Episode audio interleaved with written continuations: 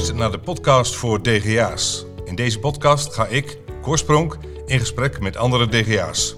Over hun successen, maar ook over de moeilijke periode. Ga ervoor zitten en laat je inspireren. Vandaag ben ik in gesprek met... Gert Koekoek.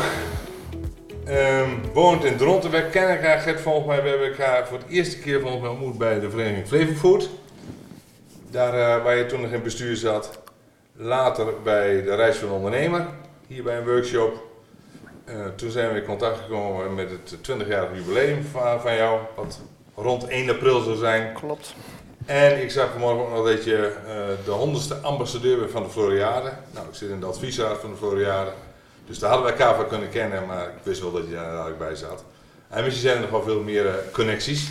Woont in Dronten. Nou, dat hebben we in ieder geval dan gemeen. Ja.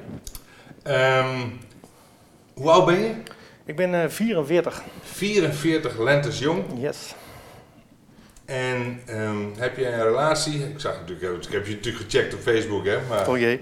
Ik heb een relatie sinds eh 12 jaar. sinds 12 jaar eh, kinderen. Ik heb uit de vorige relatie heb ik eh, twee kinderen. Twee dochters. Eentje van eh 13 en eentje van 21. Kijk eens dan. En eh, hobby's? Hobby's. Daar heb ik eh, in mijn leven eh, te weinig tijd voor gemaakt. Ik heb sinds een paar jaar één hobby. Dat is eh, een makkelijke hobby. Dat is miniaturen verzamelen van vrachtwagens. Dat hebben we gezien. We zijn nu niet in je kantoor. Want we vroegen waar kunnen we rustig eh, met elkaar spreken. Op een plek die jij interessant vindt. Of belangrijk is voor je. Toen zei nou, dat het zou mijn kantoor kunnen zijn. Maar ja, dat is een hoop reuring natuurlijk. Klopt. Eh, we gaan straks voor de foto ehm, die we samen maken nog wel even naar je kantoor toe. Maar ik vind het wel leuk om ons samen vast te leggen daarbij.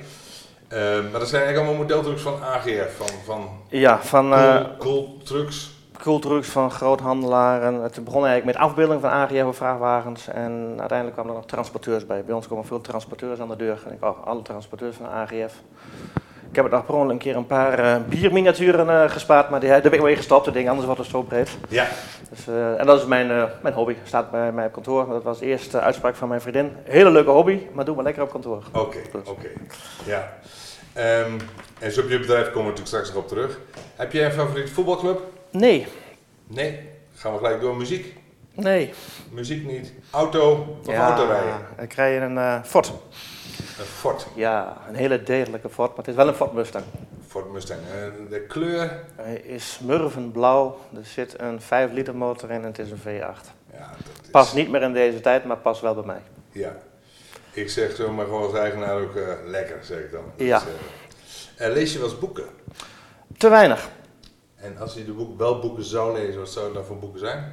Een beetje spanning, detectives, een beetje over misdaad vind ik altijd interessant. Niet over business? Nee, eigenlijk niet. Ik vroeger wel eens een keer een boekje van gehad, maar dat was mij te theoretisch. Ik ben meer een man van de praktijk. Dus ik heb wel eens een boek gekocht, vol goede moed, mee op vakantie genomen. Nou, de eerste tien bladzijden gelezen en nog eens een keer tien. En nou ja, dan kwam je ergens onder in de cover en ik heb ze waarschijnlijk nooit weer gezien. Dus dat, eh, ja, nee, ik ben geen man van de theorie. Had misschien wel eh, goed voor mij geweest in het verleden, maar goed. Het is zo gelopen. Zo geloof ik. Ja. Als ik zo af even hier naar kijk, dan is het omdat ik eh Ja. even moet kijken of het nou goed opneemt. Ehm, heb, jij een, eh, heb je een idool of iemand waar je tegenop kijkt, waarvan je denkt van, oh, die, poeh, die doet dat. Ik vond vroeger altijd eh, Henny van der Most. Dat was een eh, man die woonde dicht bij ons. Of hij woonde, ja. En er was een man, daar keek ik altijd wel tegenop. Die eigenlijk toen de tijd ja, voor elkaar bokste. Het eh, begon met de Bonte Weven natuurlijk. eh, de Watertoren in Assen, eh Kalkaal, dat soort dingen. Ja. Ondertussen volg ik hem wat minder. Hij is natuurlijk ook verhuisd en je hoort niet zo heel veel meer van hem. De, ja, de dingen vind ik persoonlijk een beetje gedateerd worden. Maar toen de tijd vond ik dat echt een, ja, een ondernemer van... Hey, hij kwam ook eens bij mij in de winkel vroeger en was gewoon een hele normale vent. Het was in dialect. Doe me een kilo lekkere proem, jongen. Ja, Ja. ja, ja. En we zaten een keer bij, bij hem in de Bonte Wever als jongens in de kroeg. En een eh, jongen van mij, of een eh, vriend van mij, die gooide een gulden in de gokas. Jongens, niet gokken, want daar word ik alleen maar rijk van. Gewoon een, ja, ja, hele open, leuke man. ja. Hoe oud zou die nu zijn? Ik denk dat hij rond de 70 is, denk ik. Ja. Ja. Maar dan breng ik eigenlijk gelijk even bij de, bij de volgende vraag. Van, uit wat voor nest kom je? Want Henny van der Mos die komt uit de buurt van, wat is het? Slagharen, Schuine Sloot. ja. Ik eh, kom van oorsprong uit Hollandse Veld. Dorpje in Drenthe, dicht bij Hogeveen. Dat ligt eigenlijk tussen Hogeveen en Slagharen in. En uh, mijn ouders die waren ook ondernemer. Die zaten net als ik in de groente en fruit. Mijn ouders die uh, venden langs de deur met de groente en fruit. Met een aantal busjes. Ik was een nakomertje. Toen ik uh, 15 was, konden mijn ouders vervroegd stoppen toen de tijd. Nou, ik wou het met alle geweld overnemen. Dat mocht niet, was ik erg boos om. Ik denk een dag of twee. Ja, ja. Later had ik er wel begrip voor. Mijn ouders zeiden ook van ja, de ene dag weer brandweerman, brandweerman worden en de volgende dag groenteboer. Dus ja, achteraf had het waarschijnlijk wel goed gekomen. Maar achteraf had ik ook wel eh, respect voor hun keuze dat ze dat eh, niet op mij gewacht hebben. Ja. Maar 15 jaar, dan, dan ja, het kon net niet, zeg maar. Nee, kijk, uh, ja, wat je dan leuk vindt, als je 18 bent, kun je wel zeggen van ja, ik heb het even goed bekeken, maar dat is best veel werk. Dus toen had ik wel respect voor, ja, later ook wel van joh, uh, die keuze hebben ze goed gemaakt, van joh, alles leuk en aardig, maar we stoppen nu en als je dat wilt, dan uh, doe dat maar. Ja, maar Venter langs de weg, dan is, als je dat zo vergelijkt met je huidige bedrijf, dat, dat is dan was het gewoon consumenten benaderen, zeg maar. Klopt. Een soort SWW-wagen, maar alleen met groenten. Ja, en dan meer op de vlakte, dus niet in de steden. Want er kwamen toen de tijd, praat ik over de jaren, ja, eind jaren 90. Toen kwam natuurlijk de supermarkt ontzettend op. Dus in de stad viel eigenlijk geen brood meer te verdienen. Maar op de vlakte, bij de boerderijen en dergelijke, daar viel best wel een goede boterham te verdienen. Ja. Dan kwam je in één keer in de 14 dagen. Dus er was een zak aardappels van 25 kilo, een zak sinaasappels van 20 stuks en zo. Dat waren leuke klantjes toen de tijd. Ja. Net wat de boeren zo misschien zelf op hun eigen land niet verbouwden, hun eigen moestuin niet hadden, ja. maar dan wel uh, bij hun betrokken. Ja. Vader en moeder werken eigenlijk altijd? Uh, ja, die werkten altijd. We hadden drie weken per jaar vakantie. De eerste week dan moest alles schoongemaakt worden. De tweede week dan gingen wij eens een dagje naar Duitsland, zondag overnachting. En de derde week dan moest er alweer voorbereid worden. Dus ja, die hebben eigenlijk altijd weer gewerkt. Dat was normaal. Dat we, ja, Had jij toen niet afkeer dan tegen het ondernemerschap? Nee, de handel zat altijd wel een beetje in mij. Dus dat, dat, dat triggerde mij wel, dat vond ik wel leuk. Als je iets verkocht voor een gulden en verkocht voor twee gulden toen de tijd, dat was best wel leuk. En toen was dat eigenlijk altijd natuurlijk winst. Later in mijn leven is het ook wel eens andersom geweest, maar toen was het wel interessant. Van god, ja, ja. Je ziet mensen die moeten heel dag werken en die hadden dan, uh, of een jongetje van mijn leeftijd, die ging hele dag hard werken en die hadden 10 gulden. Ja. En soms had ik 20 gulden. Hé, hey, zo kan dat ook, met relatief weinig en deed je dan ook wel met de groenten van je ouders? Of nee, nee, nee. Gewoon andere dingen? was ik iets ouder, uh, vuur aanstekers, parasols, ik heb van alles verkocht. Ja. Over waar ik handel in zag, dat kocht ik en dat verkocht ik. Um, had jij, uh, heb jij scholing gevolgd om uiteindelijk ondernemer te worden? Hoe is dat gegaan? Wat school heb je gedaan? Uh, ik ben begonnen op de MAVO. Daar heb ik twee jaar aan de eerste gezeten. Toen vonden ze maar beter dat ik naar de technische school ging. Ik was eigenlijk niet gemotiveerd om te leren. Ik zat wel op school omdat dat moest, maar voor de rest ik deed niks. Toen uh, heb ik wel promotie gemaakt. Ik mocht gelijk naar de tweede klas van de technische school. Zo. Ik mocht wel even bij de directeur aan tafel komen van joh, ik ga je volgen. Want nou ja, die had natuurlijk uh, gehoord uh, hoe gemotiveerd ik was. Ja. Nou, eind van het tweede jaar moest je een keuze maken. Er was elektro, metaal, schilderen of autotechniek. Ik vond alles helemaal niks. Nou, de gedachte om naar een andere school te gaan, dat leek ook maar niks. Want al mijn vrienden zaten op die school. Dus ik denk, weet je wat, ik doe automonteur. Heb ik twee jaar gedaan. Nou, daar ben ik, hebben ze mij denk ook laten slagen. Ja, en toen was ik een jaar of 17. Ondertussen was ik bij de groenteboer in het dorp aan het werk gekomen. Ik denk, nou, dan moet nog, ja, ik mocht eigenlijk nog niet van school af. Je moest toen tot 18 tot school. Toen kwam ik eigenlijk op de opleiding voor ja, ondernemer. Eerst ja, verkoopmedewerker, maar eigenlijk uh, heb ik daar in anderhalf, twee jaar heb ik eigenlijk alles doorlopen en had ik uh, diploma ondernemer op zak. Dat vond ik middenstandsdiploma. Een soort met van, ja. ja. En dat vond ik heel interessant. Toen ik daar op school kwam, toen ging er een wereld van me van dit vind ik leuk. Dus ik, ja, ik denk dat het drie of vier jaar voor stond. Ik ben denk ik anderhalf jaar daarheen gefietst. En ook nog gewoon gewerkt. Dat was toen nog leren en werken. En dat vond ik leuk. Ja. Daar, uh... En was jij bijvoorbeeld in een vriendengroep, was jij dan, wat, wat, wat was jij nou vaak de type? Was jij degene die, eh, die de boel aan de gang uh, maakte? Of die, Jawel, ik was altijd een beetje gangmaker. Ja. Nog wel steeds een beetje. Ja. ja. Ik vind het wel leuk om op de voorgrond te staan. Ja, ja. ja leuk. Um, je zegt bij de groenteboeren aan het werk, uh, in loondienst geweest. Ja. Hoe lang heeft dat geduurd? Uh, toen mijn ouders ermee stopten, die hebben de zaak verkocht aan een uh, andere ondernemer, vrij jonge ondernemer toen de tijd. die heb ik nog meegeholpen na schooltijd, een beetje ja, appelsinesappels inpakken in een zakje. En dat, dat heb ik denk ik een jaartje, anderhalf gedaan. En toen was ik zeg maar ja, 17, 18. Toen ben ik bij de groenteboer in dorp aan het werk gekomen. En dat vond ik wel heel interessant. Ik denk, hé, hey, dat is wel heel leuk. Ik ben eigenlijk uh, daar binnengekomen als nou ja, een jongetje die de leren kist moest opruimen en eigenlijk doorgegroeid tot bedrijfsleider. Ik was denk ik een jaar of twintig, toen had ik denk ik een man of tien onder mij, waarvan iemand van 45 jaar. Mijn werkgever toen ging op vakantie en die zei, nou jij moet het ook maar runnen. Hij kwam wel drie keer in twee weken terug, maar dat even terzijde. Ja, ja. Maar ja, dat vond ik echt leuk. Ja. Daar heb ik rondgelopen, ik denk een jaartje of zes. En toen kwam er een uh, winkel in Nieuw-Leusen. Die kwam eigenlijk vrij. Een uh, collega, groenteman, die had een winkel in Stapoost. Had de winkel in Nieuw-Leusen erbij genomen. Die dacht van, joh, waar ik nou in één winkel doe, als ik twee heb, dan verdien ik twee keer zoveel. Viel een beetje tegen. Hij verdiende dan maar de helft. Hij moest de aandacht verdelen aan die de juiste mensen, ziekte. Nou, je kent het wel, veel ellende. Dus hij wou graag van die winkel af. Zei, Gert, is dat niks voor jou? Nou, ben ik bezig kijken en toen ben ik eigenlijk vrij vlot heb ik die winkel overgenomen. 1 april 2000 uh, was mijn openingsdag. Kijk. Dat was wel uh, heel bijzonder. Ja, ja, ik ja. dacht dat ik alles wist. En van groente en fruit wist ik ook alles trouwens. Daar wist ik echt wel veel van. Een presentatie maken, met klanten omgaan, folders, reclame maken. Dat ging me allemaal heel goed af. Maar als je ondernemer bent, daar zit natuurlijk veel meer bij. Dat is niet alleen maar een appel en een sinaasappel inkopen en voor een dubbeltje en verkopen voor 20 cent. Nee, daar zit eigenlijk veel meer achter. Ja. En toen je met die, met die winkel begon, wat was toen vooral wat jij zei, dit ga ik anders doen? Dit, dit. Bij mijn, ik had dan één werkgever gehad, daar ben ik, daar werd ik altijd een beetje tegengehouden. Zijn wil was wet. Als die appel met de rode blos naar voren moest liggen, dan moest dat. En als ik dacht van, joh, ik hem kwart sta draai, dan zien ze de rode en de gele kant. Dat is misschien wel net zo mooi. Even een raar voorbeeld. Ja, maar ja. ik werd altijd een beetje, ik, ik heb heel, heel veel plezier gedaan. Uh, ik heb er een goede werkgever aan gehad. Maar ja, ik, ja, ik was jong, ik, ik wou meer. Ik denk van, het kan beter, het kan anders. En dat bleek ook wel, als hij op vakantie ging, dan draaide ik altijd de sterren van de hemel. Dan kocht ik zomaar een pallet nectarines en dan kwam hij terug. En, uh, maar hoe, hoe, kom je aan die omzet? Ik zei, nou gewoon, dat, dat ik gedaan. Oh, dat zal dan wel toeval zijn. Hij wou ook nog nooit een beetje toegeven, maar ja, dat ging misschien drie jaar op rij. Dus ik merkte ook zelf van, hey, ik had een collega die had een uh, standplaats in een dorpje op vrijdags. En als hij dan met vakantie was of ziek was, dan moest ik erin. Ik ging zelf de bus laden en ik dacht, oh, een zakje walnoot neem ik nog even mee. En een flesje appelsap. Want, oh. Ik draaide daar ook altijd, nou ja, meer als mijn collega. Dus ja, dat, nou, dat vond mijn werkgever natuurlijk leuk. Maar ja, ik, ik was gewoon gedreven. Dus ik denk van, ja, wat ik hier doe, kan ik ook voor mezelf doen. Ja. En misschien kan ik dan wel iets meer verdienen. Ja. Heb ik misschien wat meer vrijheid. Ik kan mijn eigen tijd indelen. Ah, dat, dat, ik denk dat dat toen nog niet zo heel veel speelde. Maar het was meer van, ik denk dat het beter kan. Ja. En dat lag dan eigenlijk in presentatie en in contact en in... Vooral ja, een beetje het handelsgevoel van ook qua inkoop, scherp inkoop. Daar komt trouwens mijn oude werkgever ook goed mogelijk het presenteren. Uh, ja, een oud werkgever die kocht altijd heel veel bananen in. En dan moest je elke klant vragen, hebt u nog belang bij een trosje rijpe bananen? Zo heette hij op een gegeven moment. Ja, dan was altijd iets van, waarom doe je dat nou? Waarom koop je geen doosje minder?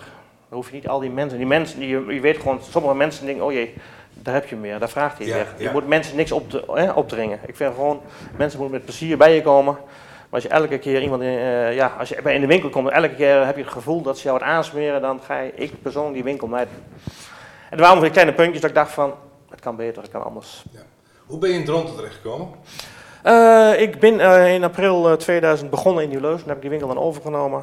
Op een gegeven moment, eh, het winkelcentrum waar ik in zat, het zou plat gaan. Er zou een nieuw winkelcentrum komen. Nou, daar was ik ook druk mee bezig. Ik had wel een huurkoopcontract. Ik zat nog een beetje in dubio. Wat ga ik doen? Huren, kopen. Ik leverde toen ook al horeca en restaurants. Ponypark Slagaren was een klant van mij. Ik zat een beetje in dubio van ja, dan ga ik straks hier een winkel nou, zeg maar, huren. Ik denk, die horecalevering gaat zich uitbreiden. Dan moet ik op het industrieterrein weer een pandje gaan huren. Dus ik zat een beetje in dubio van ja, ja, ja, ja, ja. Een hele mooie plaats, superplaats. Maar natuurlijk ook geen wereldstad. Ook voor de toekomst van ja. Dus ik zat echt in dubio en in juli 2006, eh, mijn groothandel benaderde mij. Gert, er is een winkel in Dronten, die moet met spoed overgenomen worden. De ondernemer is er vandoor. Hij draait op vakantiekrachten. 1 september gaan ze naar school. Ja, nou, ik ben daar in juli wezen kijken in 2006. Het winkelcentrum van Dronten lag toen helemaal op zijn kop. Dat is helemaal vernieuwd toen. Dat zou ook in september eh, heropend worden. En toen dacht ik van, hé, hey, toen viel eigenlijk alles op zijn plek. Mijn huurcontract in uh, Nieuw-Leuzen liep in januari af, dus dat was te overzien. Dus ik heb eigenlijk die keus gemaakt en 3 september uh, stond ik hier achter de toonbank. Kijk eens aan. Dus dat was eigenlijk een uh, hele stap voor mij. Het was een veel grotere winkel, een groter verzorgingsgebied, een veel grotere omzet. Dus dat was eigenlijk een hele stap uh, naar boven toe. Ik had eigenlijk besloten van, ja, ik ga alleen verder met de winkel. De horeca-levering, dat vergt tijd. Als jij een restaurant hebt en ik beloof om 10 uur bij te zijn met zes bloemkolen, dan kan ik niet om 11 uur aankomen met drie stuks broccoli.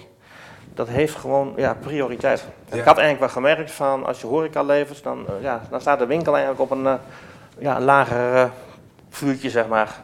Van ja, als ik vandaag geen bloemkool heb, dan koop je wel een broccoli, bij wijze van. Dat maakt jou niet zoveel uit. Dus ik had me voorgenomen toen ik in de ronde kwam van joh, ik ga alleen nog winkel doen. Ik ga geen horeca meer leveren, ik ga me focussen op de winkel. Er zit een mooie omzet in, kunnen we goede boterham mee verdienen. Dat gaan we doen. Dat heb ik uiteindelijk een week volgehouden. Toen kwam er eigenlijk een oude klant alweer terug van joh, ik had vroeger altijd hier mijn groente, wil je mee leveren? Ik zit aan de overkant met een pizzeria. Ik denk, ach, dat kan wel. Nou ja, in no time hadden wij weer best wel een aantal uh, restaurants als klant. Ik denk uh, dat wij in 2008 hadden we denk een veertigtal restaurants als klant. Mijn huurbazen, daar waren drie broers. Eentje deed vroeger de winkel, die was met pensioen. De andere twee broers die uh, deden markt en horecalevering. Nou, de middelste broer die, uh, was ook aan zijn pensioen toe. Die had een aantal Chinese restaurants. Die zei, Gert, je krijgt die restaurants van mij. Ik hoef er niks voor te hebben, maar je moet er goed op passen. Ik heb ze 25 jaar als klant. Ik gun ze jou. Ja. Nou, ik heb ook een uh, goede inwerkperiode van hem gehad. Ik ben twee keer mee geweest. Toen zei hij van... toen ik Volgens mij kun jij het wel. Toen ik het Maas Maanders overnam, toen denk ik van misschien komt u nog even helpen. Maar uh, nee, dat heeft hij heel goed gedaan. Maar goed, op een gegeven moment hadden we een veertigtal restaurants, de winkel. En dat, is allemaal, ja, dat was eigenlijk allemaal best wel heel leuk. Daar ga ik daar een vraag over. Wat is nou um, in, in, handel of in aandacht die horeca die nou anders dan een winkel? Een winkel, daar komen mensen natuurlijk in, die komen bij je binnen. En die gaan een beetje kijken en dan moet je dat, heb je dat meer dat praatje. En hoe, hoe is dat, hoe, kun je daar zo'n twee verschillen van noemen? Ja, nou, een winkel moet je de klanten misschien te lokken. Je moet een goede prijs hebben, een mooi product, het moet er allemaal netjes gewoon en verzorgd uitzien. Uh, een klant in een winkel die komt misschien een half jaar bij je, daarna zie je een klant niet. Hebben ze vragen van, joh, waarom komt ze dan niet bij mij? Was mijn product niet goed? Was ik niet goed? Uh, ja. En levering en horeca is heel anders, een hele andere wereld. Je gaat daar met die mensen om tafel, je gaat prijsafspraken maken. Mensen verwachten echt wat van je. Als het niet goed is, dan hoor je het direct. En met de consument is dat dus lastig. Dan, dan mis je iemand. En waarom mis je iemand? Kijk, als ik jou als, als jij een horeca een gelegenheid hebt, ik lever jouw product wat niet goed is, dan bel je mij. Hé, hey, Get, je hebt een krap slagenlever, die is verlept. Dan weet ik het gelijk. Dat ja. vind ik wel eens met consumenten wel eens lastig. Jammer. Ja. Is dan business to business um, lastiger of makkelijker? Ik vind het makkelijker. Ik kan zeggen, er is gewoon veel contact, veel communicatie. Moet van weerskanten komen natuurlijk, maar ja. als er communicatie is, dan kom je er in principe altijd uit. Want je hoort natuurlijk wel dat consumenten steeds mondiger worden, dus die worden steeds eerlijker. Dat doen in business ja, gebeurde dat eigenlijk altijd? Dat gebeurde al. Als hij goed was, hoorde je ja. direct. En als de tweede keer niet goed was, dan kon je opdraven, maar dan kon je het oplossen. Of uh, oplossen, maar in ieder geval. Hè. Ja. En de consument ben je dan kwijt. Want die denkt van ja, ik ga er maar niet meer naartoe. En de buurman die verkoopt ook een bloemkool. Ja. En business to business natuurlijk, die, die hoor ik ondernemer, die gebruikt dat weer om zijn klant uh, er wat mee te doen. Dus die heeft er gelijk last van. Ja. En de consument zegt, nou dan eet ik het maar niet. Ja, of ik gooi het maar een keer weg. Ja. Dus dat is wel een hele verschillende wereld. Terwijl ook eigenlijk de consumentenwereld was ook altijd wel, uh, vond ik altijd wel leuk om te doen. Zaterdag hadden wij bij Mooi Weer zomers aardbeienverkoop. Kochten we één of twee pellets aardbeien in. En dan stond ik buiten te schreeuwen. Dat was gewoon een spelletje was dat. En de ene keer lukte het heel goed. Ook een beetje aan de temperatuur, aan de mensen. Dat was echt, soms dan stonden ze echt de hele dag in de rij. Ja. Zaterdag erop, dezelfde temperatuur, hetzelfde prijs aardbeien. En dat, ja, dat was moeilijk om de mensen erbij te krijgen. Dat was altijd een heel uh, leuk ja. Ja. iets. Als je dan weer los was om vier uur met van nou, hebben we weer gedaan. Ja. Nou, misschien moeten wij nog eens een keer dan samen een keer stroopwafels voor het, voor het KWF gaan verkopen. Nou. Dan gaan we kijken of allebei een pallet kunnen weg, uh, wegduwen. Ja, hè? dat lijkt dus, mij een goed idee. Leuk man, leuk. In, uh, in, in die tijd, 2010 volgens mij, is um, André Wijmer, jouw huidige bedrijfsleider, toen volgens mij ook aan boord gekomen. Klopt. Want jij zegt horeca, wat gebeurde er toen, wat veranderde in jouw bedrijf? Mijn bedrijf die groeide eigenlijk door en vooral de horecalevering. Dat kwam af en toe als een klantje bij de winkel, bleef een beetje op hetzelfde niveau, zakte zelfs iets terug. Wat ik net al aangaf, van ja, als je de aandacht uh, verslapt, ja, dan kun je hele goede medewerkers hebben. Maar als je geen sturing geeft, dan moet je jezelf in de spiegel aankijken van joh, ik geef geen sturing. Ik heb er geen tijd voor, ik heb het te druk. Want ik moest morgens en bestellingen klaarmaken en ik moest nog prijskaartjes veranderen en ik moest inkopen. Ik, vroeger wou ik ook heel veel zelf doen. Het liefst deed ik alles alleen. Ik had toen een man of 10, 12 in dienst. Maar dan wist je dat goed kwam. Maar het liefste deed ik alles zelf. Maar ja, daar heb ik eigenlijk in 2010 kwam uh, André in dienst. Nou, die kwam gewoon als uh, jonge jongen binnen. Gewoon als winkelmedewerker, klanten helpen, bijvullen. Maar die is eigenlijk langzaam eigenlijk wel heel mooi een beetje meegegroeid met het bedrijf. Ondertussen is hij bedrijfsleider in, de, uh, ja, in tien jaar tijd. Ja, dat, ook een mooie stap. Ja. Hele mooie stap. En dat begon eigenlijk in 2012, 2011. In 2011 was ik op excursie bij een maaltijdproducent in Almere. Die maakte maaltijden voor de retail, voor de zorg en dergelijke. Hadden wij een rondleiding. En die eigenaar die vroeg mij van, goh, jij bent groenteboer hè? Zei, ja, dat klopt. Nou zei ik, ik wil eigenlijk producten uit de regio. Ik wil graag eigenlijk wortels en uien uit de regio. Als ik hier in Almere uit mijn raam kijk, bij wijze van spreken, zie ik de wortels en uien groeien. Mijn huidige leverancier zegt, dit zit hier om de hoek. Die heb ik al vier keer gevraagd joh, ik wil product uit Flevoland. Die zegt, kan niet. Wat is daar jouw mening op? Ik zei, nou ja, kan niet. Dat lijkt mij heel makkelijk. Zei, dat groeit hier en ja, dat moet kunnen. Dan zegt hij, wil je eens voor mij uitzoeken. Die man had eigenlijk al een vooruitziende blik. Dat was in 2011. Tegenwoordig is het heel normaal dat op een pak melk een boer staat, boer Jan, eh, daar is de kannenmelk van. En, maar toen was het eigenlijk nog een beetje in de kinderschoenen. En die man die zag dat aankomen van, hé, hey, dat kan een heel sterk verkooppunt voor me zijn. Van kijk eens, ik ben eigenlijk een fabriek, maar toch weet ik wie mijn groente teelt. Ja. Toen ben ik er mee bezig gegaan. Eh, dat was in juli 2011. En op 2 januari eh, 2012 stond ik met een bus met wortels en uien in Almere. Het klonk wat makkelijker in theorie dan in de praktijk. Ja. Om de wortels vanuit de grond tot in de fabriek te krijgen, dat is best nog wel een, eh, een hele lange weg. We zijn er ook eh, heel lang mee aan het testen geweest. Maar dat, eh, dat ging eigenlijk wel redelijk goed. En ik wat, wat, wat is dan, wat, is dan wat, wat was van jou vooral nodig? Want jongens zou ik weer geloven. Maar wat was dan dat, je dat, dat jij dat redde? Ik zag dat voor mij. Daar hoef ik niet, eh, er zijn ondernemers die moeten daar heel veel over praten, denken, niet van slapen vooral. En ik zag dat voor me, ja dat kan. Ik kende wat telers, ik kende de machines en ik kende die mannen. Ik denk, nou, dat moet gewoon kunnen. Gewoon doen. Ja, maar goed dat je winkelt, weet je de machines nog niet. Ik had toevallig, de vorige ondernemer, die had toevallig een hele professionele machine gekocht. En die machine die heeft bij mij altijd in zijn pensioenstand gestaan. Die draaide een uurtje, anderhalf per dag. Dat was eigenlijk een hele grote machine, was eigenlijk veel te groot voor de winkel. Dus die, eigenlijk de, de basismachine die had ik, dus dat was eigenlijk ook weer een geluk. Ja, Die had ik al staan. ja. Nou, daaromheen moesten natuurlijk wel een aantal andere machines, maar eigenlijk de hoofd, de basismachine had ik al. Dus ja, het was voor mij eigenlijk, ja, dat, dat kan wel, dat doen, we, dat doen we wel even. ja, ja. Nou, dan zijn we daarmee begonnen. En toen, eh, dat ging eigenlijk best heel goed. De klant was tevreden, want eh, ja, de vorige leverancier had er 20 jaar geleverd. Die dacht dat hij de baas was.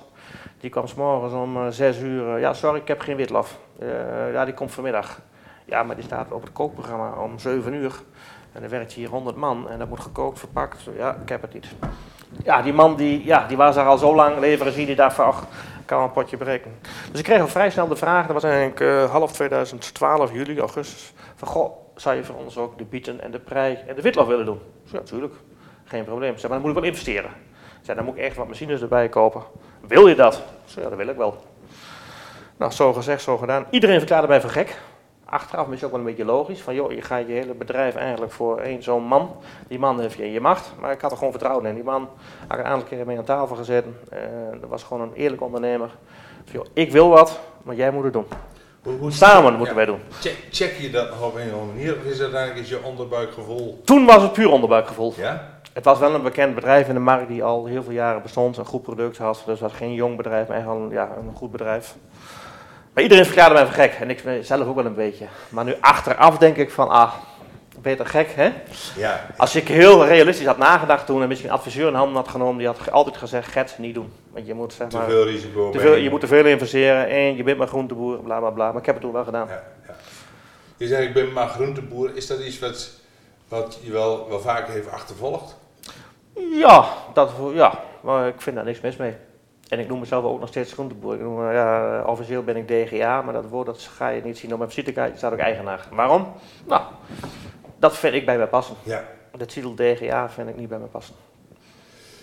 Nee, ja, DGA zijn hè, eh, eh, directeur, grote aandeelhouder en je hebt de meeste aandelen. En eh, je kunt niet meer zo weggestuurd worden door iemand anders. Hè. Dat is natuurlijk een beetje de... Ik had gisteren nog de- aandeelhoudersvergadering met mezelf. Kijk, Dus dat was ook nog... eh, nou, eh, even de jaarcijfers Even de doorgesproken. jaarcijfers doorgesproken met mezelf. Dus, ja, ja.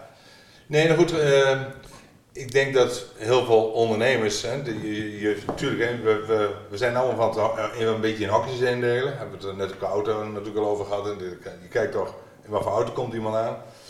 Ehm, en zo is het ook natuurlijk hè, dat, dat een, een winkelier in, met een winkel vaak daar anders tegen aangekeken wordt, dat, dus de consumentenmarkt, anders dan de, vaak de business-to-business eh, markt. Je kunt natuurlijk ook vanuit eh, je, van een industrieterrein natuurlijk eh, aan consumenten leveren, maar het is een, het is een andere soort. En, ehm, ik denk dat er misschien soms wel door bij bedrijven die business-to-business doen, dat die wat, ja, wat neer, neerbuigend misschien doen tegenover winkeliers. Wat in mijn mening eh, eh, compleet niet terecht is. absoluut niet. Een eh, winkelier die kan punt 1 een goede boterham verdienen. Punt 2, die werken vaak hard voor een boterham. Houden ook heel veel mensen aan het werk. Gemiddelde winkel werkt er gauw 4, 5 man. Ik, zeg, nou, ik, heb, nou, ik ben zelf geweest, gewoon respect voor. Ja. Ik zou zeggen, een goede ondernemer kan een goede boterham verdienen, ook als je een winkel hebt. Ja. Kijk, we hebben wel natuurlijk de laatste jaren door de opkomst van internet zijn er natuurlijk wel een aantal bedrijven die het gewoon heel moeilijk hebben. Maar zijn een aantal bedrijven die hebben al een slag gemaakt richting internet. Van, denk, die zagen dan aankomen van, joh, als we zo doorgaan, gaat het niet goed. Nee. Dat is ook ondernemen. Ja, ja. Had je toen, eh, toen je richt, eh, steeds meer richting de horeca ging, en je zegt je had zo'n tien man personeel winkel, was daar ook wel eens dat ze, je zegt iedereen verklaarde me voor gek. Hoe was dat intern? Luister jij naar je, wat je personeel vindt? Ben je er gevoelig voor? Mm, Nee, toen niet. Ik ging dat doen. En wat hebben we gedaan? Ik wil zeggen, en toen luisterde ik eigenlijk niet naar mijn medewerkers van joh, eh, goh, het lijkt me niet zo'n goed plan, dat weet ik veel. Als ik dacht dat het goed was, nou ja, dan moest iedereen Ja. dat goed vinden. En hoe was dat eh, qua thuisgrond? Eh, was die, eh, liep die altijd eh, achter jou aan? Of was je daar wel... Die had een eigen baan, die had eh, eigenlijk met, eh, met mijn bedrijf eh, qua echt werk niet zo heel veel te maken, maar die had mij, ik denk in 2008 al eens gezegd van weet je wat jij moet doen? Je moet stoppen met die winkel, je moet een fabriek gaan eh, oprichten met groentesnijden. Daar heb ik haar compleet gek verklaard. Maar ze heeft eigenlijk wel heel veel gelijk gehad. maar toen stond ik er in 2008 van ja, maar die fabrieken bestaan al. En ik heb een aantal hele grote collega's in Nederland. En dus daar keek ik een beetje naar. Ik zei, ja, die markt is al vergeven. Maar achteraf had ik in 2008 wel naar haar moeten luisteren. Ja, ja, ja. Dus nou, dat is wel mooi. Heb jij voor de rest eh, eh, adviseurs om je heen waarvan je zegt, joh, dat is, dat, daar, daar luister ik echt naar? Of heb je vrienden? Of wat, wat, wat, waar haal jij eh, je feedback? Of is doe je dat vooral met anderen? Eh, met André eh, natuurlijk. eh, ik heb een goede account. Accountants zijn er heel veel en heel veel prijsklassen. Ik wil niet zeggen dat de duurste de beste is. Ik wil wel zeggen dat de goedkoopste vaak niet de beste is. Maar een goede accountant is heel belangrijk. Kijk, als je een accountant hebt waar je spullen op tafel gooit en die maakt één keer per jaar een rapportje en die zegt van nou joh, je hebt goed gedaan, nou, dat is leuk en aardig, maar daar heb je niks aan. Accountant moet eigenlijk onderdeel van je bedrijf zijn. Van je bedrijfsvoering, vooral als je groeit, als je groter wordt, als er winst wordt gemaakt. Die moet je adviseren van denk hier aan, denk daaraan. Dus dat vind ik heel belangrijk. En in 2015 heb ik een financieel adviseur binnengehaald. Even een beetje eigenlijk nog weer terugkomen op 2012. eh, dat ik met groente eh, snijden begon, dat ging eigenlijk heel leuk. Die klant die, eh, heeft 2013 eigenlijk alles naar ons overgezet. Dus dat was eigenlijk een, ja, was een serieuze klant. Ik had een vrij groot winkelpand, dus het ging allemaal net. S'morgens dan eh, ging de koeling leeg in, eh, in de koelbus. Dan kwam de groothandel weer met nieuwe handel. Dat, eh, ja, hoe we dat gedaan hebben is ons nog een raadsel, maar het is Ja. altijd gelukt. Ja, Toen in 2013 eh, stond ik op een beurs.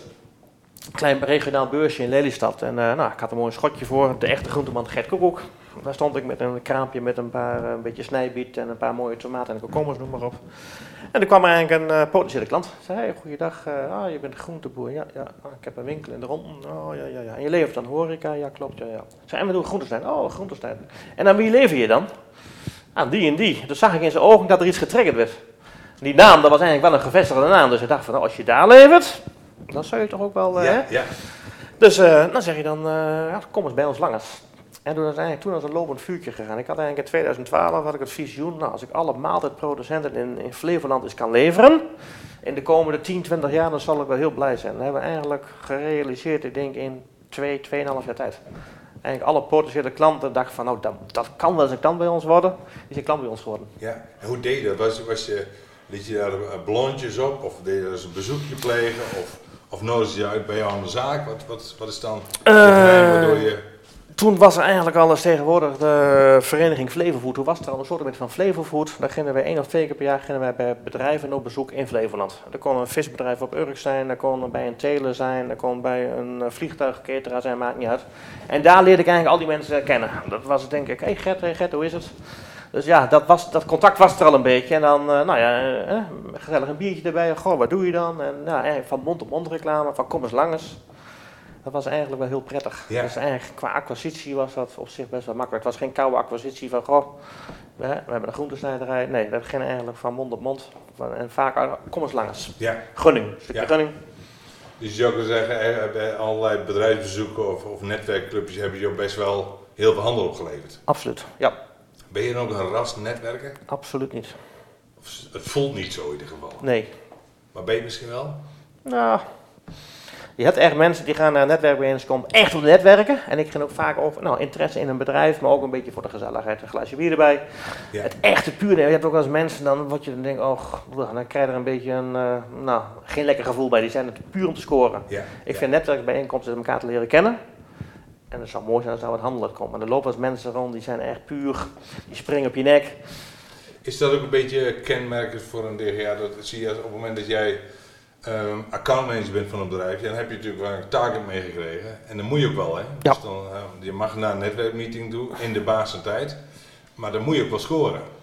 En ik denk dat die druk natuurlijk voor een DGA wat minder is. Die gaat, hè, die, die, als het niet lukt, dan kan hij zichzelf de schuld geven, maar dat is het dan ook. Maar die heeft niet die druk vaak van, van de target van, van moeten scoren, zeg maar. Dat klopt. Alleen van ja, als je een accountmanager bent en als ik jou zie en denk, oh die moet niet spreken, dan doe je toch iets niet goed, denk ik. Het Nee. moet ook. Hè? En het is een feit, als je 100 mensen hebt, je kunt ze niet allemaal alle 100 aan de mond praten, maar je moet wel een gevoel bij hebben. Ja, ja. Is dat dan ook zo dat jij je klanten kiest of misschien wel krijgt die bij jou passen? Want er zijn natuurlijk ook, er zullen ook horecaondernemers zijn die misschien wel van dat andere kaliber zijn. Of die niet in, die, in jouw vriendenkring zouden behoren, zeg maar. Je krijgt de klanten die bij je passen. Ja, En eh, we zijn eigenlijk wel een eh, beetje een vreemde eten in, in, eh, de, in de. Wij doen niks aan, aan acquisitie. Het is echt puur mond-to-mond reclame. We groeien jaarlijks nu nog een 20%. maar acquisitie doen we eigenlijk nooit. Of ik moet echt weten, die ondernemer is zoekende. Dat hoor ik dat van de buurman. Van joh, de buurman die is zo super ontevreden met je collega. Dan stap ik erop af. Maar voor de rest komen ze eigenlijk vaak bij ons. En zo gauw ze bij ons komen, dan zijn ze eigenlijk al klant. Dan zijn ze zoekende.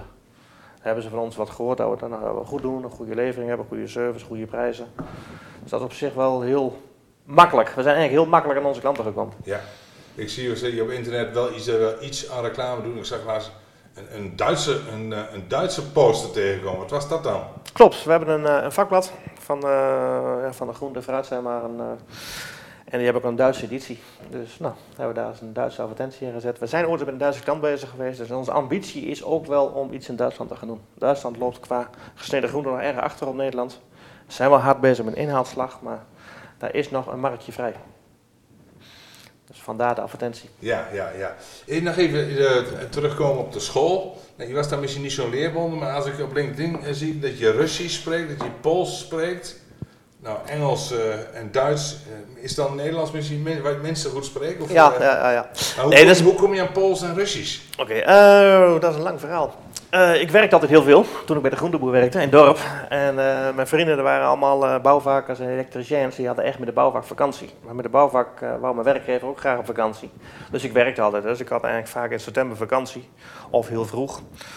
Dus ik ben met mijn vrienden wel eens eh, naar Spanje geweest en alles. Maar ja, in een jaar. Dat was denk ik in 96, 95, 96. Toen eh, ging mijn werkgever dus in de bouwvak op vakantie. Mijn vrienden ook. En ik had in september vakantie. Ik denk van ja, wat ga ik doen?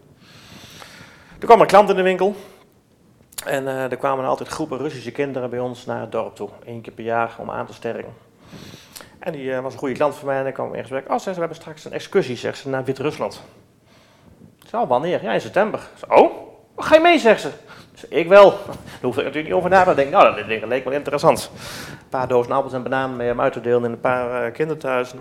Nou, het eerste, het beste dorpje waar we kwamen, dan kwam ik een eh, Russisch meisje tegen. Een Wit-Russisch meisje. Nou, contact mee gehouden, een klein beetje verkering mee gehad. Nou, ik ben daar heel vaak geweest, dus hier een eh, keer geweest met de broer. En zodoende dat ik Russisch praat. Als ik ergens in geïnteresseerd ben, dan ga ik, dan ga ik er echt voor. Ja. Dan kan ik dan. Ik ben echt geen talenwonder. Je moet me niet vragen om een hele Russische zin op te schrijven, maar dat kan ik niet. Maar het spreken, verstaan, dat gaat goed. Dus je durft het misschien ook, je durft het te spreken, je durft fouten te maken. Ja hoor. Misschien een heel mooi voorbeeld. Ik, eh, dat was een aantal jaren later. eh, toen eh, was ik met een Poolse vrouw getrouwd. Een paar jaar verder. Zat ik op een bruiloft in Polen. En er zat een professor, een man en een vrouw. De man die sprak Engels en, ik, en de vrouw sprak Duits. En ik sprak Nederlands. En Engels en Duits. Dus ik met mijn beste Engels en mijn beste Duits met hem praten. En het was een hele gezellige avond. En toen een paar dagen later zei mijn eh, vrouw van... Oh, ze vond jou toch maar zo'n rare vent van een, steen, van een steenkolen Duits en van een slechte Engels. Ik zei, nou ja, schat, moet je luisteren. Ik kom met haar praten. Ik kom met hem praten. En ik zeg, ja, wat is er dan mis mee? Ja. Dat was op zich wel een hele, ja... Als ik ergens in, ge- ja, in ge- geïnteresseerd ben, dan ga ik er gewoon voor en dan moet het gewoon lukken. Ja. Maar ik ben niet iemand om een cursus te nemen. Een cursus Russisch. Ik heb dat gedaan, een cursus Russisch. Nou, ik heb er de basis uitgehaald, maar dat was niet aan mij besteed. Dat was veel te theoretisch. Ja, ja. Ehm, welke fouten, als je nou eens een, een fout zou moeten eh, noemen die je als eigenaar hebt gedaan? De grootste fout is dat ik niet geleerd heb. Een beetje eigenwijzig was, want ik weet het wel. Nou, dan ga je beginnen en dan BTW, dat wist ik ongeveer nog. Maar loonbelasting, dat was voor mij nieuw. Maar het is wel een hele grote fout als je als ondernemer niet weet wat loonbelasting is. Gelukkig draaide ik vanaf het begin in mijn winkeltje in Nieuw-Leuzen heel goed. Maar dat is al wel iets van, oh, oh, belasting betalen en gewoon, ja... Had je nog niet zo'n goede accountant misschien? Nee, ook niet. Want die eh, beste man die belde ik me altijd een kwartier, precies een kwartier in de praat. Tot ik de eerste factuur kreeg na een jaar. Er stond uh, Ja. 36 keer een kwartier advies op. Dat Ja, soort dingen. ja, ja, dat moet je gewoon allemaal. En ik, hè, dat was altijd gezellig. Hè? Gert, hoe is het? Is het druk in de winkel? Heb je veel verkocht? Hij, hij, eh, dat was altijd heel gezellig met hem. Dat soort fouten heb ik wel gemaakt. Door niet te willen leren heb ik eigenlijk in de praktijk met mijn portemonnee heb ik heel veel geleerd. Daar heb ik achteraf wel een beetje spijt van. Ook wel goed.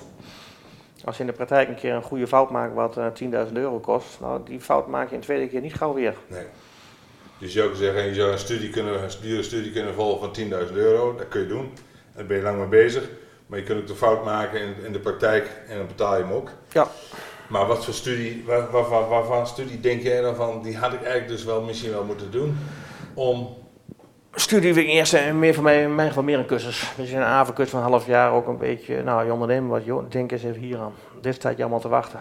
Want het is niet alleen maar dat product verkopen, je hebt ook mensen in dienst die je tevreden moeten houden. En die mensen gaan scheiden en die zijn dus ziek. En ja, dat is, je bent ook nog eh, soms sociaal hulpverlener erbij. Je maakt van alles mee. Ja, En dat heb ik van tevoren niet op mij, nee, ik denk, het was alleen maar gefocust op het winkeltje. ja. winkeltje Maar als jij zou zeggen, dan, je hebt een probleem, wat doe je dan? Ga je dan, google je dan? Of bel je dan je accountant? Of, of hoe, wat is dan de manier waarop je erachter komt wat je ermee zou moeten doen? Ik probeer het mensen zelf op te lossen. Google is natuurlijk tegenwoordig wel eens een eh, mooi ding om eh, wat dingen op te zoeken. Eh, mijn adviseur, die kan ik het uit alle tijden belden. André, daar spar ik heel veel mee. Dat is makkelijk. We spreken elkaar natuurlijk tien uur per dag bij wijze van spreken. Ja, Dus ja.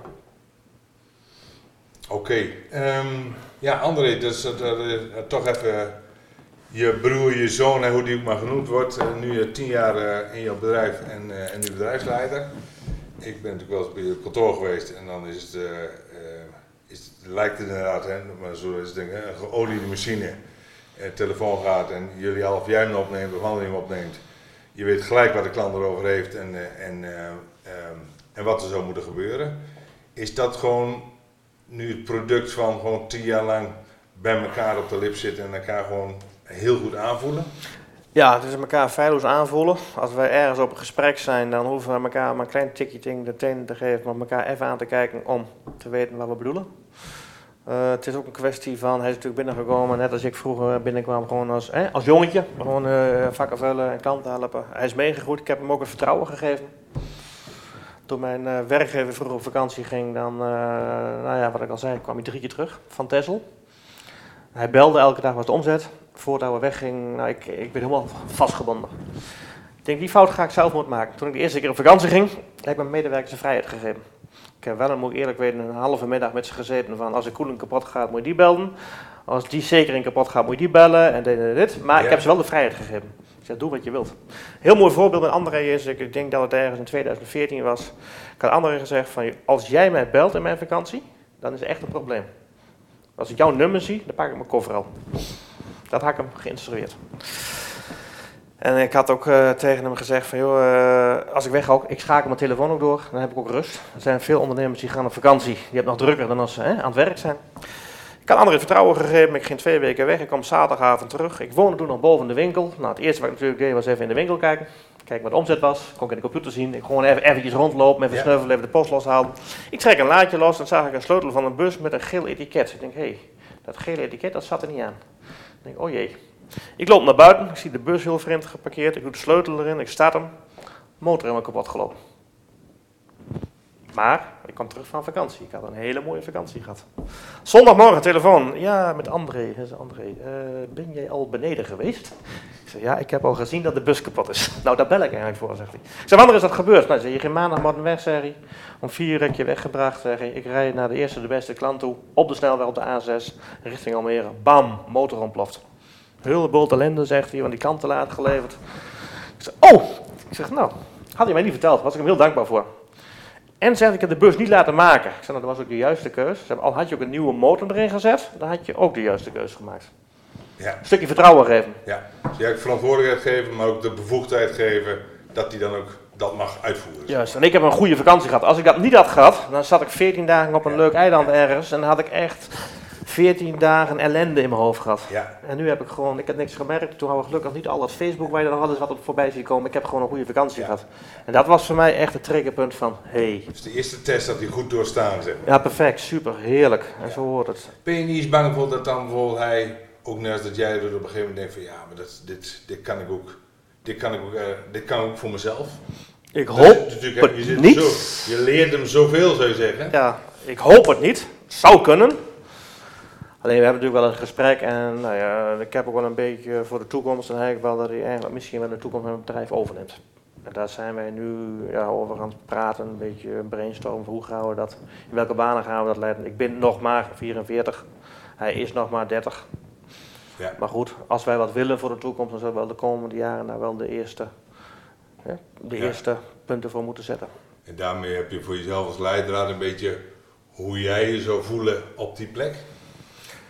Ja, ik vind het ook belangrijk eh, om hem dan eh, misschien geleidelijk naar binnen te laten komen. Niet dat eh, als ik zeg maar, stel dat ik met 60 kan stoppen, dat hij in één keer een heel bedrag op tafel moet leggen. Het zou ook mooi zijn dat er een stukje erin zit. En als ik weg ga, dat ik echt weg kan gaan. Dat ik zeg, joh, veel plezier ermee. Dat ik mij ook niet meer mee bemoei. Dat ik ook Ja. eigenlijk dan het idee heeft, joh, ik ben nou goed 40. Nu ben ik de ondernemer. Ja. Maar even, even terug naar je kinderen. Je had twee keer twee dochters. Daar zitten geen potentiële bedrijfsopvolgers bij zoals je het nu kunt zien. Eh, de jongste nog een vraagteken. De oudste dochter 21, die is gehandicapt. Dus dat gaat helaas eh, niet lukken. En de jongste is 13. Weet ik niet. Nee. Ze hebben al wel eens een keer een blauwe maandag meegeholpen. Maar dat is gewoon afwachten. Ja, ik weet nog, toen mijn dochter, de oudste dochter, die is nu zo, toen die 12 was, die zei, toen vroeg ik haar, wil je wel papa in de zaak komen? Zegt ze, nou dat wil ik wel, maar dan wil ik wel de baas zijn. Ik zei, daar komt niks van in. Nee, dat, eh, ja, dat gaan we niet doen. Dan begin maar voor jezelf. Dus, maar goed, en tot nu toe heeft ze zich nog niet, eh, nog niet aangediend, zou ik zeggen. Dus eh, is die, eh, die ehm, ik wil het even hebben over, over transparantie. Ehm weten jouw personeelsleden alles over wat er in het bedrijf gebeurt? De personeelsleden en medewerkers weten dat in principe niet. Mijn collega of anderen in de bedrijfsleiding natuurlijk wel. Vind ik wel belangrijk, want eh, we werken er samen hard voor. En dan kunnen we zeggen van, joh, we hebben van de week die omzet gehaald. Maar ja, ik noem even bijvoorbeeld als je omzet van een ton haalt en je houdt er eh, 100 euro aan over. Ja, dan is die omzet van een ton heel leuk. Terwijl je normaal misschien 90 draait. Ja, maar dan ja. is dat, hè, dan moet je met z'n tweeën van, joh, dan hebben we wel die grote omzet gedraaid. Maar waarom hebben we zo weinig winst? Van de andere kant, eh, ja, als je dat niet met elkaar deelt, dan, ja, dan werkt hij heel hard. En dan hoort hij wel eens een keer een omzet voorbij komen. Maar ja, dan waarom, ja, dan is 80 toch ook wel goed. Ik doe maar even een voorbeeld. Ja, waarom ja. zou er dan een ton moeten worden? Ja. Dus iemand erbij betrekken, tenminste in dit geval anderen, dan vind ik wel heel belangrijk. Samen doen we het. Ja. Dus hij ziet ook, zou ik maar zeggen, hij ziet precies hoeveel winst je maakt. Of hoeveel, eh, dat, Ja, in principe, we, hebben, we houden wekelijks onze cijfers bij. Eh, dinsdagmiddag, dan heeft André de cijfers altijd paraat. Alle facturen binnen, alle uren van de jongens. Alles ingevuld. We hebben een mooi eh, bestandje voor. Dat draait daar, daar rollen een aantal cijfers uit. Die nemen we ook samen even door. En dan weten we ook van, joh, eh, goh, vorige week hadden we grote omzet en weinig winst. Oh ja, we hebben nou een hele partij handel ingekocht, maar die wordt pas van de week verwerkt. Dat soort dingetjes. Dan kun je sturen op cijfers. ja. Dat deed ik vroeger ook. Met mijn eerste boekhouder, maar dat was vaak na twee jaar. Nou, we Ja. dan eh, eindelijk het jaarrapport klaar. En dan, ja, het was niet zo best. En je hebt vrij hoge personeelskosten. Maar als je twee jaar verder, ja, dan hoef je niet meer te sturen. Nu is het echt sturen, wekelijks sturen op cijfers. En als je groeit, is dat ook wel belangrijk. Cijfers zijn best wel belangrijk. Het kan heel hard, heel snel goed gaan. Maar kan ook heel hard, heel snel slecht gaan. ja. En als je dan niet op tijd ingrijpt, Nou, ik vind het wel, wel mooi hoe je dat zegt. Dat, is dat dan iets wat eigenlijk, je zou kunnen zeggen, je bent echt gaan ondernemen op basis van je gevoel, Ja. onderbuikgevoel. Ik denk dat, maar zeg maar als het niet zo is, hè, dat je heel veel beslissingen neemt op basis van onderbuikgevoel. Maar toch zijn dus cijfers voor jou wel heel belangrijk. Geworden, ja, Geworden. absoluut. Ja. Wat ik zei, sturen op cijfers, dan kun je echt direct sturen. En dan wordt het ook leuk. Dan kun je daar een beetje mee gaat spelen, een beetje bij de marge is natuurlijk heel belangrijk. Als je daar eens een keer een beetje mee speelt. Vroeger was heel veel onderbuikgevoel tegenwoordig. Dan, ver- dan hebben mensen mij verplicht om na. En dat, is, dat gaat nu aardig goed. Maar mijn financiële man die kwam in 2015 aan boord. En achter uh, kwam hij, oh ik heb een nieuwe machine gekocht. Wat kost die? Die kost 50.000. Ja, zegt hij, maar wij hadden toch een prognose. En heb je hem in de lease gedaan? Ah, ik heb hem maar even contant betaald. Maar ja, geld is het toch. Nou ja, daar houden we wel eens wat strubbeling. Zei, Gert zegt, ik wil graag je financiële man zijn. Ik kost een bult geld, zegt hij. Maar als je toch alles lekker zelf doet, zei, dan hoef ik eigenlijk niet te komen, zegt hij. Want dan, Nee. Nu in de loop der jaren, eh, voordat ik iets ga aanschaffen, van joh, hoe gaan we dat doen? Eh, ja, als je hem in één keer afsteekt, is het leuk en aardig. Maar ja, je wilt ook volgend jaar nog dat en dat doen. Kun je misschien beter een lease zetten. Ja, maar in de lease is hij niet van mij. Nou, een beetje sparen met elkaar. Oké, we doen hem in de lease. Ja, ja, ja. Kijk, het onderbuikgevoel is heel goed, maar als je vooral als je groeit en groter wordt, we werken nu met een eh 30 medewerkers, dan moet je ook niet meer altijd met je onderbuik doen. Want dan kun je wat hard op je bek gaan. Ja. Zijn er andere, ehm je we hadden het over een fout die je als DGA maakt, Ehm, met personeel bijvoorbeeld, hè. Je hebt, je hebt nu, eh, we hebben nu de corona, nou, we hopen dat we natuurlijk een beetje dat we in de eindfase zitten. Maar als stel dat er nu een vaccin komt, stel jij dan verplicht dat alle jouw mensen een vaccin eh, moeten nemen? Ik zou het graag willen, maar ik kan het niet verplicht stellen. Dat zou iets zijn wat, wat, waarvan je zegt, eigenlijk zou dat moeten kunnen. Vind ik lastig. Want ik ben bang, gewoon even eh, ja, algemeen gezien, dat er straks heel veel weerstand is tegen het vaccin. Dat de mensen zeggen, ja, maar die rotzooi moet er niet. Tegenwoordig, eh, ja. Zou je hem zelf nemen? Ik zou hem direct nemen. En wat ze erin spuiten, dat zal goed zijn. Ja. Maar er zijn denk ik heel veel mensen bang voor. En Ja, uw medewerkers dat eh, te verplichten, dat kan helaas. Eh, Ik zeg wel, kan helaas niet. Ik zou het wel graag willen. Hoe zeg je bijvoorbeeld over, over sporten? eh, ehm, gevaarlijke sport, is dat iets dat we zeggen, nee, per se stel dat anderen zeggen, joh, ik ga op parachute springen of ik ga wat, dan je dat... Ik kan er niks tegen doen wat iemand in zijn privé-tijd doet. Wel als ik een nieuw iemand aanneem, die echt wel een bepaalde functie heeft, en zegt, joh, ik doe eh bergbeklimmen, parachutespringen, ik doe wat bergbeklimmen zonder touw. Dat zal het wel meewegen in mijn besluit van neem ik hem wel of niet aan. Ja. Mag misschien wel niet, maar het is wel eigen. Kijk, als iemand dat besluit als je bij je werkt, ja, dan kun je niks tegen doen. Je kunt nog eens een keer een beetje adviseren, maar je kunt hem geen middelbelegging vind ik. Iedereen is gewoon vrij, is een vrije tijd wat hij doet. Ja. En als je nu in de, in de, in de productie, eh, als je moet kiezen tussen een, eh, een Pool en een Nederlander, waar kies je dan? Ik kies voor een Pool. Helaas, zeg ik ook gelijk bij. De mentaliteit van de Nederlandse mensen is van ik wil graag werken, maar het moet in een hele korte tijd en ik moet best wel veel verdienen. Nou, best wel veel verdienen, dat kan bij ons eigenlijk wel. Alleen onze uren zijn onregelmatig. Onze klanten bestellen vandaag, dat moet vandaag gemaakt worden. En ik weet niet wat ze vandaag bestellen. S morgens om 8 uur begint de productie, dan hebben we nog maar 10% van de orders binnen. De rest volgt in de loop van de dag tot 's middags 5 uur. Dus het kan wel eens wezen dat je in plaats van om 5 uur om 6 uur vrij bent. Het kan wel eens gebeuren dat je om 8 uur vrij bent. En daar hebben wij Nederlanders, wij zijn zelf ook Nederlanders, hebben er wel wat moeite mee. We moeten de vrouw wachten, kinderen wachten, een voetbalclubje wacht, zwemclubje wacht, eh, de golfclub wacht. En dat is heel moeilijk om Nederlandse mensen te krijgen. Dat vind ik wel jammer. Want er zijn mensen zat. Ik zou het ook liever met, met Nederlandse mensen doen. Ja, want ik zag wel eh, een artikel bij voorbij komen van Impact. De Ja. sociale werkvoorziening is er We volgens mij hebben eigenlijk vanaf 2012 puur met Poolse mensen gewerkt. We hebben ondertussen een aantal mensen via Impact binnengekregen. Het zijn mensen met afstand eh, tot eh, de arbeidsmarkt. Ik wil niet zozeer zeggen dat het eh waarjong jongeren zijn of zo die eigenlijk ja, iets minder presteren. Het zijn meest, ik heb er nu twee mensen binnengekregen, twee Nederlandse mensen. Eén vrouw eh, komt eh, uit een huwelijk waar ze eigenlijk niet zo heel veel mocht. Moet altijd binnen blijven van de man. Die is gescheiden. Die komt met haar veertigste komt ze op de arbeidsmarkt met een leeg cv. Heeft nog nooit gewerkt. Heeft nog nooit met mannen gewerkt. Dus die kun je niet zomaar zeggen, joh, kom maar lekker bij mij aan het werk, kijk eens, pak eens een mesje. Nee, die zijn via Impact binnengekomen. Die heeft daar intern eerst eens nou ja, geleerd wat werken is. Ja. Dat is best wel, ja, werken leren, ja, leren wat werken is, leren met mannen omgaan, noem maar op. En die vrouw die heeft gewoon nu een, een baan bij ons. Die is bij ons twee maanden proef geweest, voldoet goed. Heeft een baan bij ons. Daarnaast hebben wij een, eh, dame die heeft eh, veel medische klachten gehad de afgelopen jaren. Nou, welke werkgever neemt iemand aan met een medisch verleden van 15 jaar? Niemand. Vrouw is helemaal gezond, moest de arbeidsmarkt weer op, maar ook eigenlijk van ja, niemand die er aan wou nemen. Een gat in het cv. Vrouw was eerlijk van ja, ik heb dat en dat gehad. Nou, die vrouw is ook bij ons binnengekomen en heeft nou ja, een, een volwaardig contract, want ze is gezond. Wat geweest is, is geweest. Nog, ehm, heeft de corona... Kijk, er komt een groene productie, van ja, die komt hier, uh, hier naast ons pad Nou. rijden. Hartstikke goed. Ehm, heeft de corona nog andere invloeden gehad op jouw bedrijf? Want ik neem aan dat de omzet eh, na half maart in één keer misschien wel even in elkaar donderde. Heeft dat invloed gehad op je debiteurenbeheer, op jou, op, op Het was een hele rare tijd. Niet alleen voor ons in de groente, niet voor de bakkers. Ieder geval, het was voor heel Nederland was het een shock. Er zijn maar een paar bedrijfstakken die er goed zijn uitgesprongen. Onder andere de retail. Maar het was een shock. Er gebeurde iets wat wij alleen maar in hele slechte films zagen. En hier hadden wij vroeger op school, of in die avondcursus in mijn geval, dit was nooit, dat stond nooit beschreven van nou, dit kan ook wel eens gebeuren. Wat Dus- doe je dan in zo, in zo, als dat gebeurt? Hoe acteer je dan? Ehm, dat was eh, ja, vrij. Ik stond er vrij helder in, enerzijds. De horeca ging dicht op zondagavond om half zes. Ik was net toevallig in die week verhuisd. Ik keek in mijn tuin. Ik denk, jee, wat is dit? De helft van mijn klanten eh, is weg. Maar ik ben niet de enige. Zondagavond denk ik, jee, wat nu? Hoe gaat het gebeuren? Ik heb eigenlijk bestellingen voor morgen erin staan, maar die gaan we niet uitleveren. Ik heb 30 man. Ik heb even rustig nagedacht, vijf minuten. Ik heb naar buiten gekeken. Ik heb een eh, WhatsApp gepakt van de groepsapp van de orderpickers en de chauffeurs, de Nederlandse jongens. En die heb ik eerst gerustgesteld.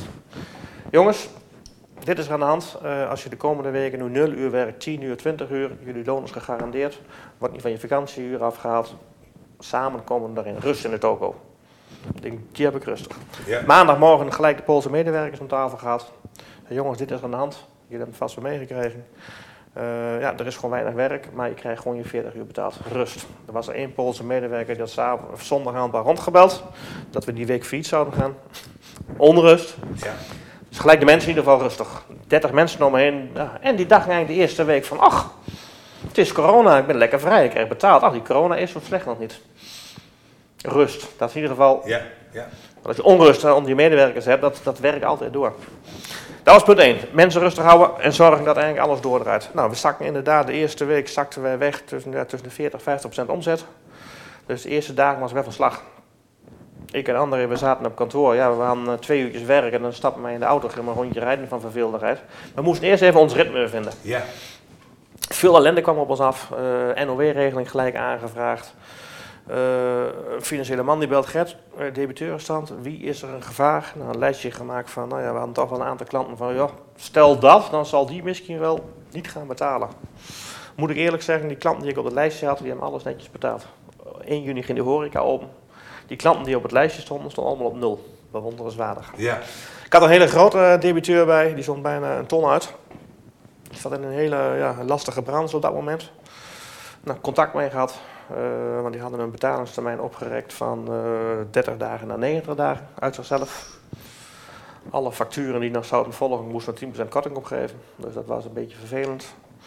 Eh, gesprek mee gehad, hebben alles netjes betaald.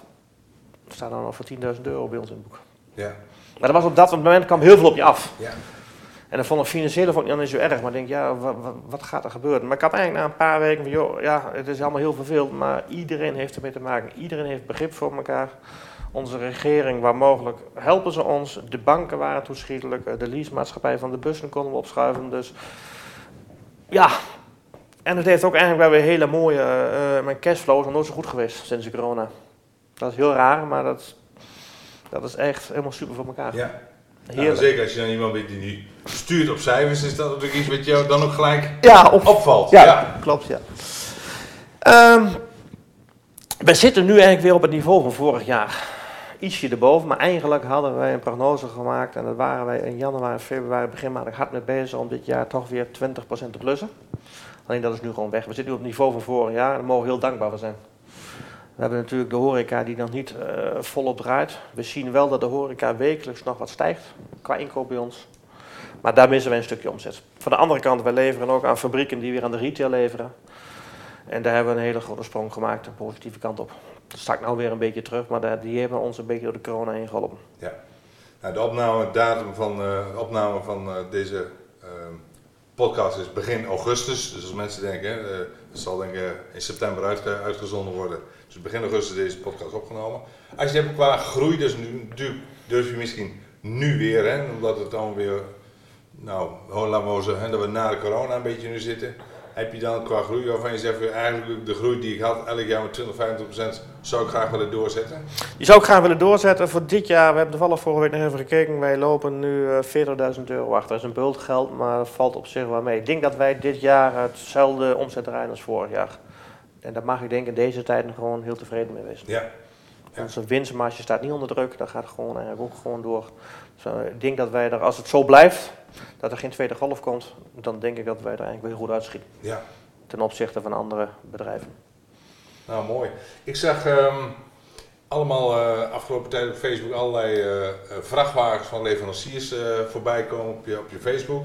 toen dacht ik, hij wil natuurlijk een nieuwe miniatuurs, wil hij natuurlijk hebben, dacht ik. Maar eigenlijk, um, dat heb ik ook aan andere ondernemers gevraagd.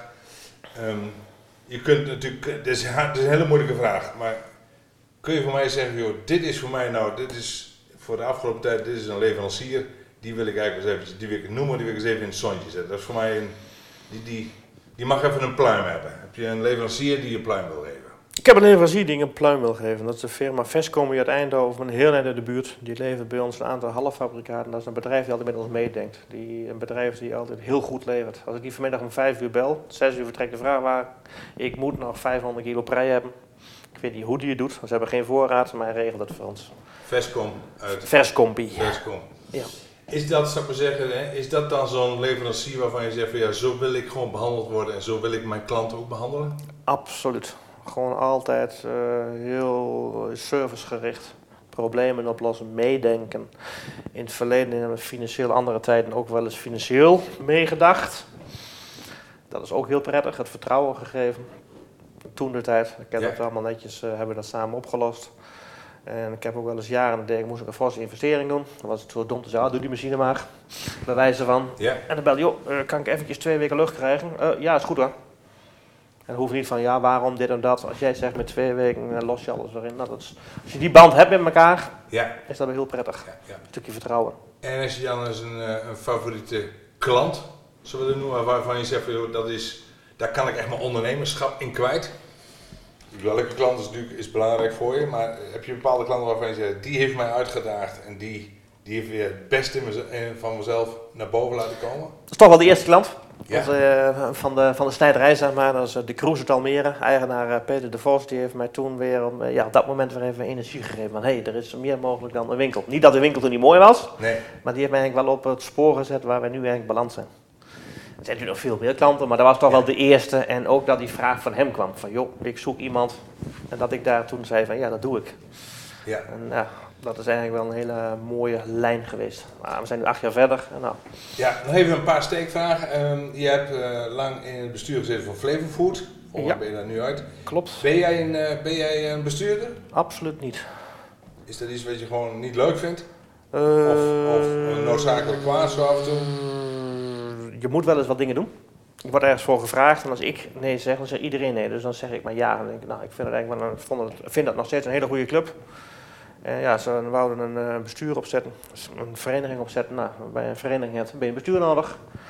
En iedereen vond een goed iets, maar niemand wou in de, in de bestuurszitting nemen. Nou, een aantal ondernemers, waaronder ik er eentje van was, hebben gezegd dat doen we wel. Dat heb ik ook gedaan. Maar ik heb het helder opzet en op een gegeven moment dacht ik van nou, het is goed zo. er zijn ook weer andere mensen die weer uh, op mogen staan. Nou, je bent de honderdste ambassadeur van de Floriade. Floriade die heeft groen licht gekregen van de gemeente Almere om, om door te mogen. Uh, wat, wat, zijn wat zijn jouw kansen daarvoor? Waar zie jij jouw kans? Is dat puur op dat half jaar dat de Floriade is of ook al daar naartoe? de Floriade, door omsta toevallige omstandigheden heb ik al drie edities meegemaakt. Soetermeer, Hoofddorp en Venlo. Toevallig met mijn ouders vroeger daar geweest. Dus ik, ja, dat is iets voor mij, één keer in de tien jaar. Ja. Toen kwam het eigenlijk hier in, in Flevoland. Toen dacht ik, nou, daar moet, daar moet ik gewoon mee doen. Klaar. Dus eigenlijk vanaf het vrij prille begin ben ik erbij betrokken geweest. Puur omdat ik het mooi vond. Punt twee, uh, straks komen er heel veel mensen. Die moeten allemaal een hapje eten. Dus we hopen ook dat we daar nog een, met ons bedrijf een, bijdrage aan kunnen doen. Om in ieder geval een Flevolands product daar op het broodje, op het bord, noem maar te krijgen. Denk jij dat je, zou je graag een, sleutelrol willen spelen in het, in het Flevolandse uh, voedsellandschap? Dus eigenlijk is alles wat daar verhandeld moet worden, hè, van de teler tot de eindgebruiker, moet uiteindelijk door jou handen komen, door jouw fabriek heen gaan? Hoeft niet. Zou mooi zijn, maar goed, er zijn natuurlijk meerdere partijen die dat kunnen. Het is natuurlijk wel zo, in Flevoland wordt zo ontzettend veel verbouwd. Dan kunnen wij in Nederland niet opeten, in Europa niet, daar zijn we de wereld voor nodig. Alleen een teler vindt het vaak wel mooi dat een gedeelte van zijn product in ieder geval herkenbaar is waar dat terecht komt. Een praatje over, uh, denk tien jaar geleden, ik zat bij een teler, een biologische teler, en ik heb echt de mooiste producten. En zegt, ik, ik ben er zo zuinig op, ik verzorg het allemaal goed. En er komt een grote machine en een vrachtwagen. En dan hoor ik van die chauffeur dat dat naar Duitsland gaat, maar dat, dat is het. Of verkoop ik maar 100 kilo van mijn oogst aan jou en aan een paar restaurants. En ik ga uit eten en ik heb mijn eigen wortels op het bord, zegt hij nou helemaal fantastisch. Ja. Maar het is een utopie, dat toen ik al, om te denken dat, hè, dat 100 ton wortels hier eventjes in Flevoland op de bord terechtkomt. Dat lukt natuurlijk niet. Alleen het idee al van joh, weten waar je product blijft. Dat is voor een teler heel belangrijk. Het is een kindje. We zijn er echt een, hè, een half jaar, een jaar heel zuinig op. En dan is het ook mooi om te weten waar het terechtkomt. Ja. En het is een beetje raar dat onze wortels van ons naar Duitsland gaan en dat de Duitse wortels hier komen. Dat is toch eigenlijk hè, van de zotte. En daar zijn we de laatste tien jaar uh, natuurlijk uh, in de wereld wel heel erg mee bezig om voedselkilometers te beperken, waar mogelijk. Maar je ontkomt er niet altijd aan. Um, we kwamen weer in contact met elkaar uh, door je 20 jaar jubileum in april. Nou, dat is helaas door de corona is het, is het, het feestje even niet doorgegaan. Dat, dat, dat komt wel weer. Ah, man, je, je hebt 20 jaar ervaring. Wat is nou voor jou een tip? Je zegt het woord DGA, dat past niet bij je, maar ja, je bent het hè. Heb jij een, als je één tip zou moeten geven aan andere DGA's, wat, wat zou die tip dan zijn? In mijn geval, ik mee afsluiten. Ja, in mijn geval, uh, zoek iemand die je naast je hebt. In goede en slechte tijden. Die je kan vervangen. Als je op vakantie bent, wat leuk is, maar stel dat je een keer ziek wordt. Ik heb een bedrijf met 30 mensen.